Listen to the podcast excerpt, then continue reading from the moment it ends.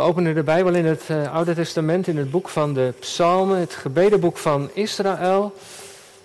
Vanmorgen staan we stil bij Psalm 103.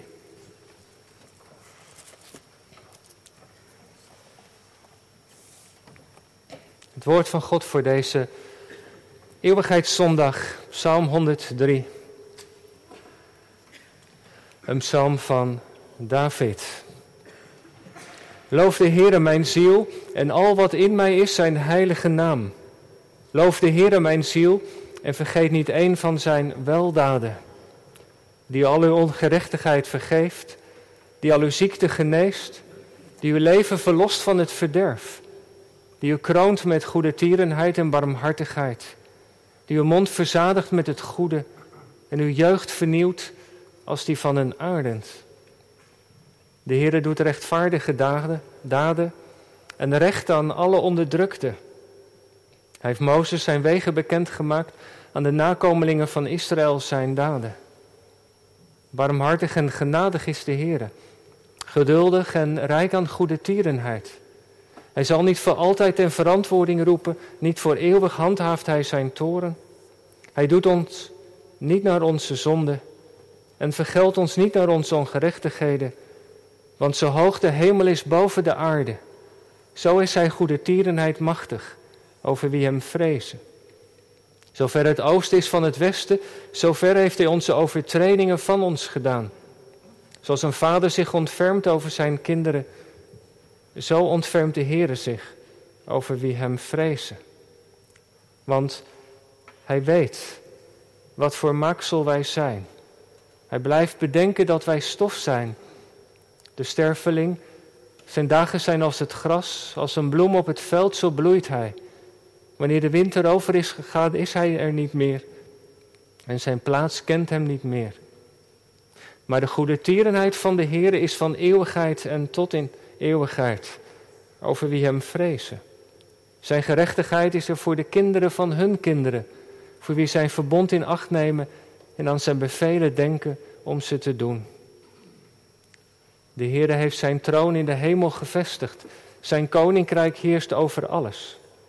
Loof de Heere u zijn engelen, sterke helden die zijn woord uitvoeren, gehoorzaam aan het woord dat hij spreekt. Loof de Heere al zijn legermachten, dienaren van hem die zijn welbehagen doen. Loof de Heere al zijn werken, op alle plaatsen van zijn heerschappij. Loof de Heere, mijn ziel. En zo sluit deze psalm af met dezelfde woorden waarmee hij is begonnen als een inclusie. Het thema voor de verkondiging van morgen als een bloem op het veld. Gemeente van Christus, hier in de kerk en u thuis met ons verbonden. Als een bloem op het veld. Je ziet het voor je, hè? De veldbloemen langs, in de berm langs de weg. Een veld wilde bloemen tijdens het wandelen. Heel divers, allerlei prachtige kleuren. Een mooi gezicht. En als het dan wat geregend heeft en de zon weer, weer, weer schijnt, dan zie je ze als het ware groeien. En misschien heb je zo'n plekje wel ergens in de tuin. Een zakje zaad gezaaid van wilde bloemen, veldbloemen. Daar zijn ze dan. Al die schakeringen, die verschillende soorten, die prachtige kleuren. Bijzonder om te zien. Ik, ik denk dat de Heer Jezus daar ook naar verwijst in zijn bergreden. Dan heeft hij het over de lelies van het veld. En de uitleggers wijst erop dat lelies dat woord waarschijnlijk de veldbloemen zijn. Hij ziet zo'n veld vol met wilde bloemen. En hij zegt, zo'n veld met bloemen is nog veel mooier dan de kleding van koning Salomo.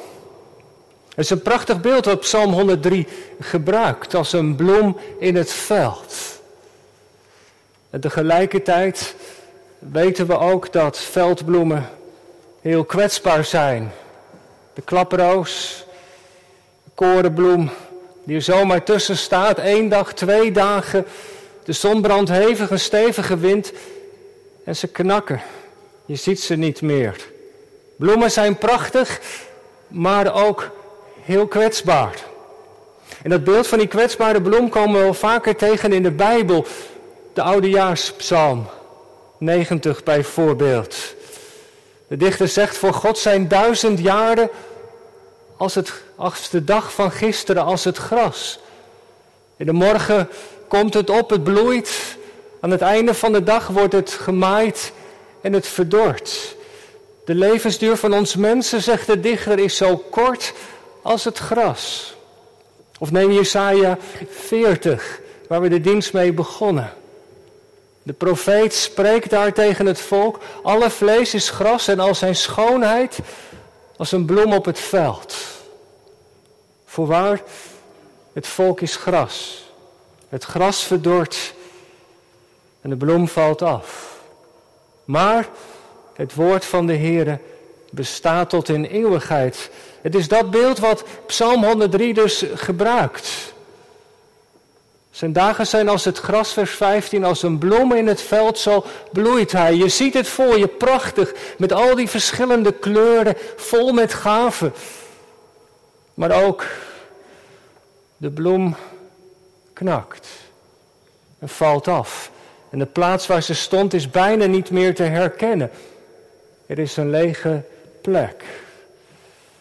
En dat is de ervaring van velen van ons, die in het afgelopen jaar bij het graf hebben gestaan. De bloem die zo mooi was, bleek ook zo kwetsbaar te zijn. Geknakt. De herinneringen zijn nog levend toen we daar stonden. Toen we afscheid namen van een geliefde. De beelden zijn zomaar terug te halen. De mensen die daar stonden, de kist, het open graf. Zijn beelden die je nooit meer kwijtraakt. Ook voor mij als dominee niet. Het is al jaren geleden, maar we stonden daar met de ouders die een baby ten graaf droegen. Een klein biezenmandje werd op de grond gelegd met veel liefde. Dan gaat daar de aarde overheen. Zijn hartverscheurende beelden, die vergeet je niet zo gauw meer. En soms ja, soms kun je er vrede mee hebben als iemand hoge leeftijd heeft bereikt. Ben je dankbaar voor wat God ons in die persoon heeft geschonken. Dat is er ook. Maar we zullen namen noemen vanmorgen van, van bloemen die midden in de kracht van hun leven zijn weggerukt. Jong als ze waren. En dat doet zoveel pijn. En het verdriet, het lijkt wel alsof het met de jaren dieper en heviger wordt wordt. De, de vragen ook trouwens waarom. Waarom op deze manier? Was het niet zo mooi geweest als? En soms, soms kun je ook heel eenzaam voelen in je verdriet. Het leven verliest zijn glans. Ik vind er niks meer aan. Alleen de zorg voor je kinderen misschien. De ander is er niet. En hopelijk heb je iemand bij wie je je hart kunt luchten die je echt kent, die ook niet in paniek raakt als het even niet meer gaat. Maar zwaar, zwaar is het wel. Als een bloem op het veld, een bloem op het veld verheven, wel sierlijk pronkt, maar krachtloos is en teer. Dat is het beeld van de psalm. En tegelijkertijd is er in dit oude lied ook een heel krachtige boodschap. Want het is niet zo dat de Heere God helemaal erbuiten staat. Integendeel. Want net voor dat beeld van de bloem, vers 14, lezen we dit. Want hij, de Heere, vers 14, weet wat voor maaksel wij zijn en bedenkt dat wij stof zijn. De Heere weet. Daar zou je eigenlijk even een streep onder moeten zetten. Ik vind het zelf niet zo goed vertaald. Het Hebreeuwse ja, daar, daar zit een, een betekenislading in van intimiteit. Het wordt ook gebruikt voor, voor de verbondenheid van een man en vrouw, voor intieme vriendschap tussen mensen. Weten, dat is hier kennen uit ervaring. God kent het leven van zo'n veldbloem leven van een mensenkind. Hij kent het. Allereerst natuurlijk omdat hij de schepper is. Hij heeft ons mensen gemaakt naar zijn beeld. Hij kent ons door en door. Net als de programmeur zijn software kent. Die kent alle ins en outs van de software van het product dat hij heeft gemaakt. Zo is het met de Heere God. Psalm 139 zegt dat de Heere God ons kent vanaf het allereerste begin. Alle diepste vezels van ons bestaan zijn voor hem niet verborgen. Als de schepper kent hij ons. Maar ook als onze redder. Want die God waar Psalm 103 over spreekt, is in de persoon van Jezus mens geworden. Hij kwam ons leven binnen. Hij heeft ons bestaan gedeeld. Hij is in onze huid gekropen. Hij heeft ons leven geleefd. Met alle ins en outs aan vreugde en verdriet. Hij kent ons van binnenuit. In de persoon van, van de Jezus is God ons zo dichtbij gekomen.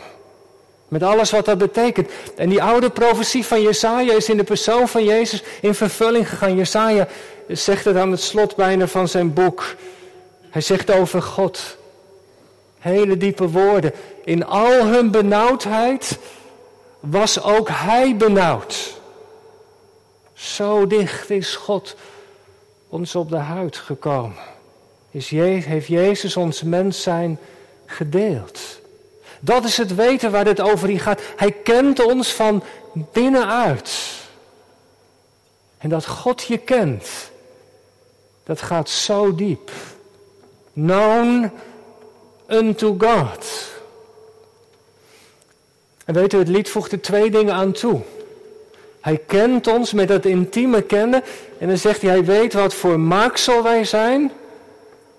En hij, letterlijk zo mag je vertalen, hij herinnert zich dat wij stof zijn. Maaksel en stof. Nou, dat beeld van stof, dat is het meest bekend, denk ik. Dat verwijst, dat grijpt terug naar, naar Genesis. Toen de Heer God de mens, ons mensen heeft gemaakt, heeft hij het stof uit de aarde gepakt. Hij heeft het omhoog geboetseerd. Hij heeft daar de levensadem in geblazen. En zo werd de mens tot een levend wezen. Wij zijn mensen die geschapen naar Gods beeld, uit het stof van de aarde zijn gevormd. En na de zondeval klinken ook de woorden die we ook ja, horen als ze bij het graf staan.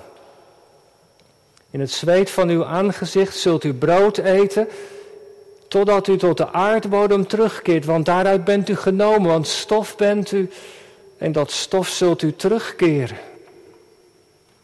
Er zit eigenlijk iets heel ontluisterends in. Geschapen naar Gods beeld en tegelijkertijd afvaar. Stof.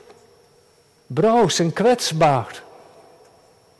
Een prediker zegt daarover, als een mens sterft, dan keert het stof weer terug naar de aarde, maar zijn geest keert weer terug naar God, die hem gegeven heeft. Stof, kwetsbaar. En ik denk dat we allemaal wel weten wat dat is. Je hoeft maar ziek te worden. En je beseft weer dat je een lichaam hebt. Ineens in door dat bericht is alles in je leven anders geworden. En zo zegt de dichter, God kent ons ook in ons stof zijn. Hij weet ervan. Wat lijden en gebrokenheid, dat gaat niet, gaat, niet, gaat niet buiten hem om. Psalm 103 zegt, hij weet hoe zwak wij zijn. Hoe zwak van moed, hoe klein wij zijn van krachten. En dat wij stof van jongs af zijn geweest. God kent ons in ons stof zijn. Maar daarvoor staat nog iets anders. Hij kent ons ook, hij weet wat voor maaksel wij zijn.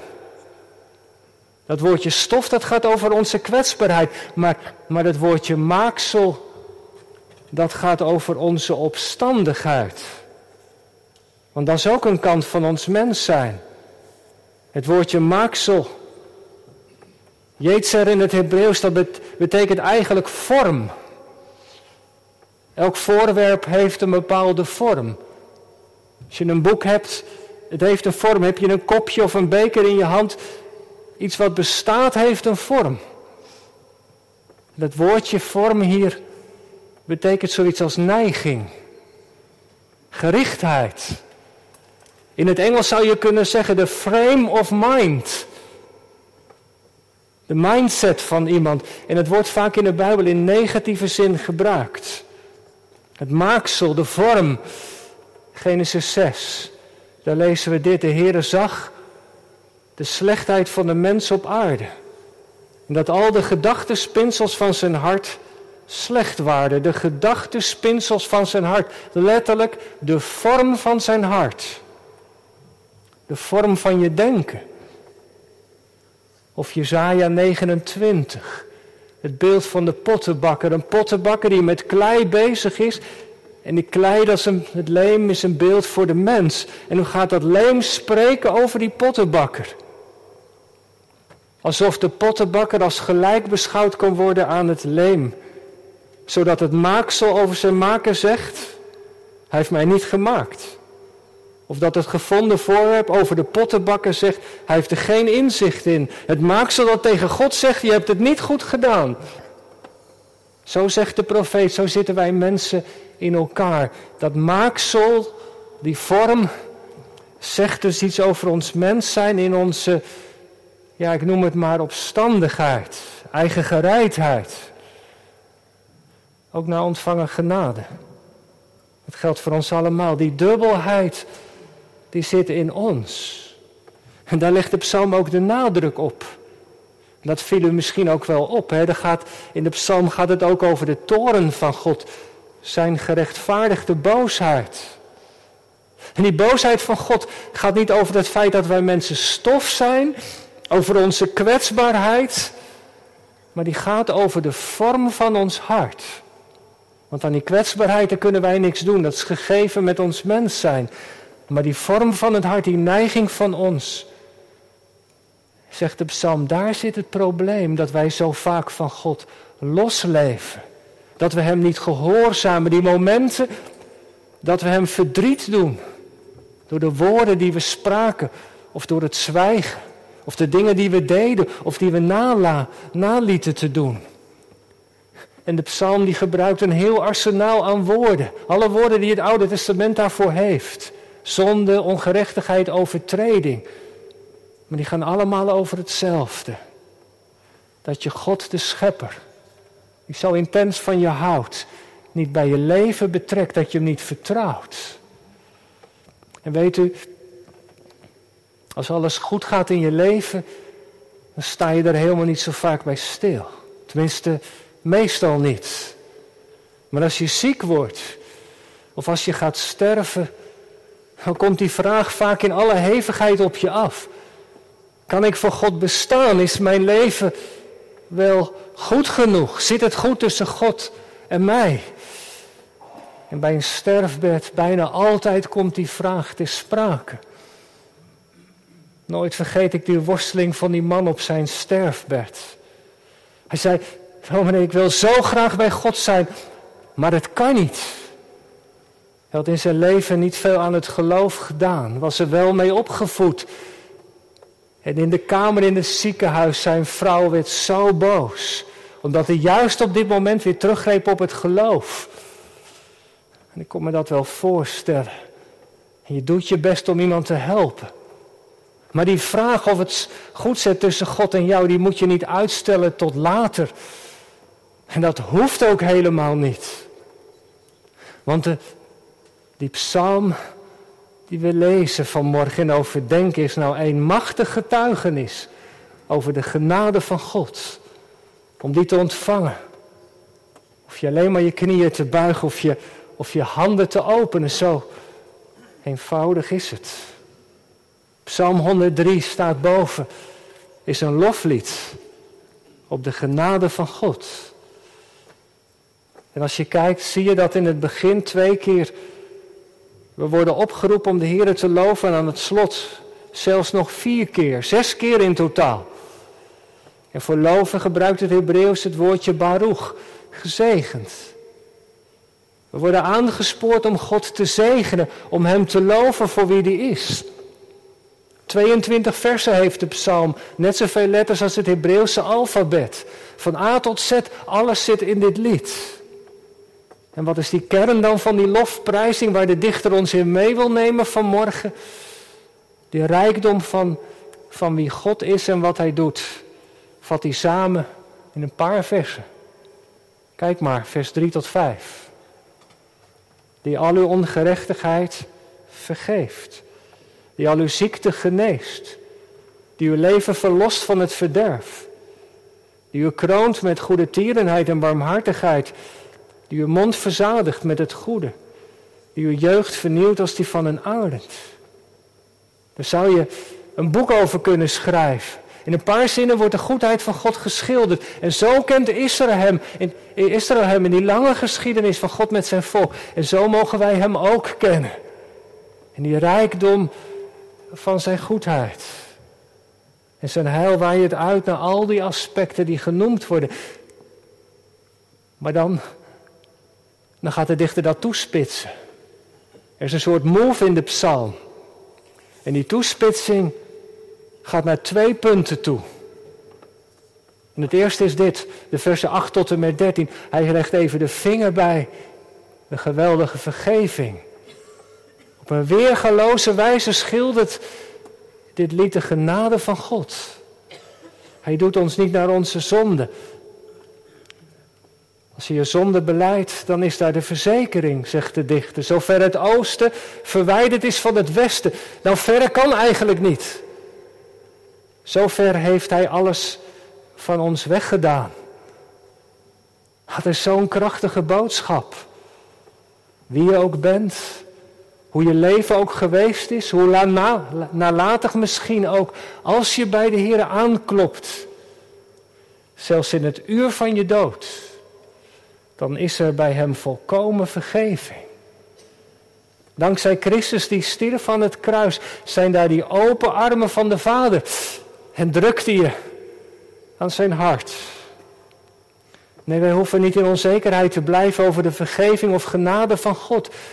Die is zo rijk en zo diep, zegt de dichter. Wie zich in de armen van God werpt, met alles wat hij heeft of niet heeft, die ontvangt vergeving zover het oosten verwijderd is van het westen. Dankzij Christus is die vergeving zo ruimhartig. En sterven Sterven wordt thuiskomen. Dat is de troost en de hoop van het geloof. Dat is het eerste. Maar tegelijkertijd beseffen wij vandaag heel goed, met alle vezels van ons bestaan, dat wij hier aan de andere kant staan. Jawel, onze geliefden, die zijn in de handen van God. Maar wij zien de lege plek. We moeten het doen met onze herinnering. We moeten verder met het gemis. En weet u, dat is het tweede, daar zegt de psalm ook iets over. En die doet dat aan de hand van het ouderwetse woord goede tierenheid. Het komt maar liefst vier keer voor. En goede tierenheid is een term uit, uit, uit de wereld van het verbond. Dat kun je het beste vertalen. Met standvastige liefde. En de psalm focust daarop vers 17. Daar is die bloem. Hij knakt. De plek is nauwelijks meer terug te vinden. Vers 17. Maar de goede tierenheid van de Heer is van eeuwigheid tot eeuwigheid.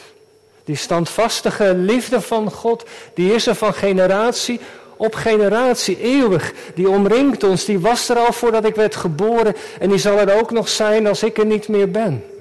En die is zelf, zegt de dichter, voor de kinderen van onze kinderen.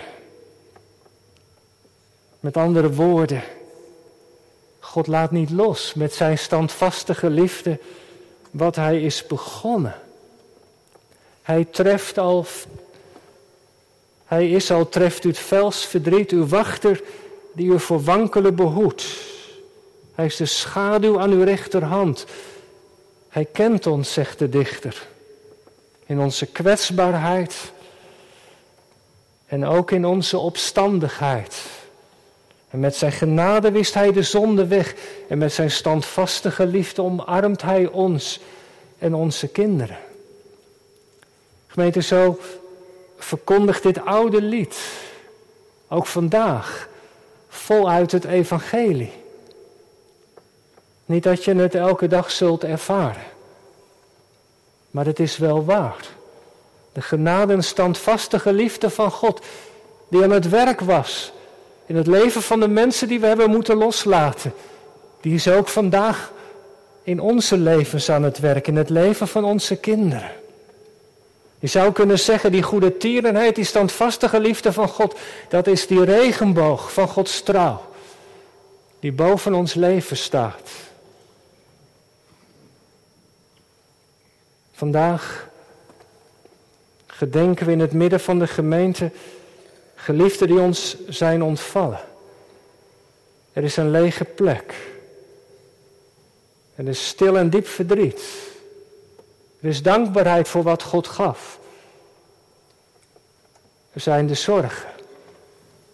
Nu gaan de bloemen nog dood. Nu gaat de zon nog onder. Soms ben je alleen, soms moet je intens huilen. En de bemoediging van het woord van God vanmorgen is dat de Heer ons kent. Ook in ons verdriet. Hij weet dat we stof zijn. Hij kent de vorm van ons hart met alles wat erin leeft. Maar hij zegt vanmorgen tegen ons, tegen u, tegen jou en ook tegen mij. De bloem valt af. Maar mijn goede tierenheid, mijn standvastige liefde, die is er en die zal er zijn. Die is waar en zeker, want al mijn beloften zijn in Christus. Ja en amen. Geloof het. En laten we ons erdoor bemoedigen vanmorgen. Amen.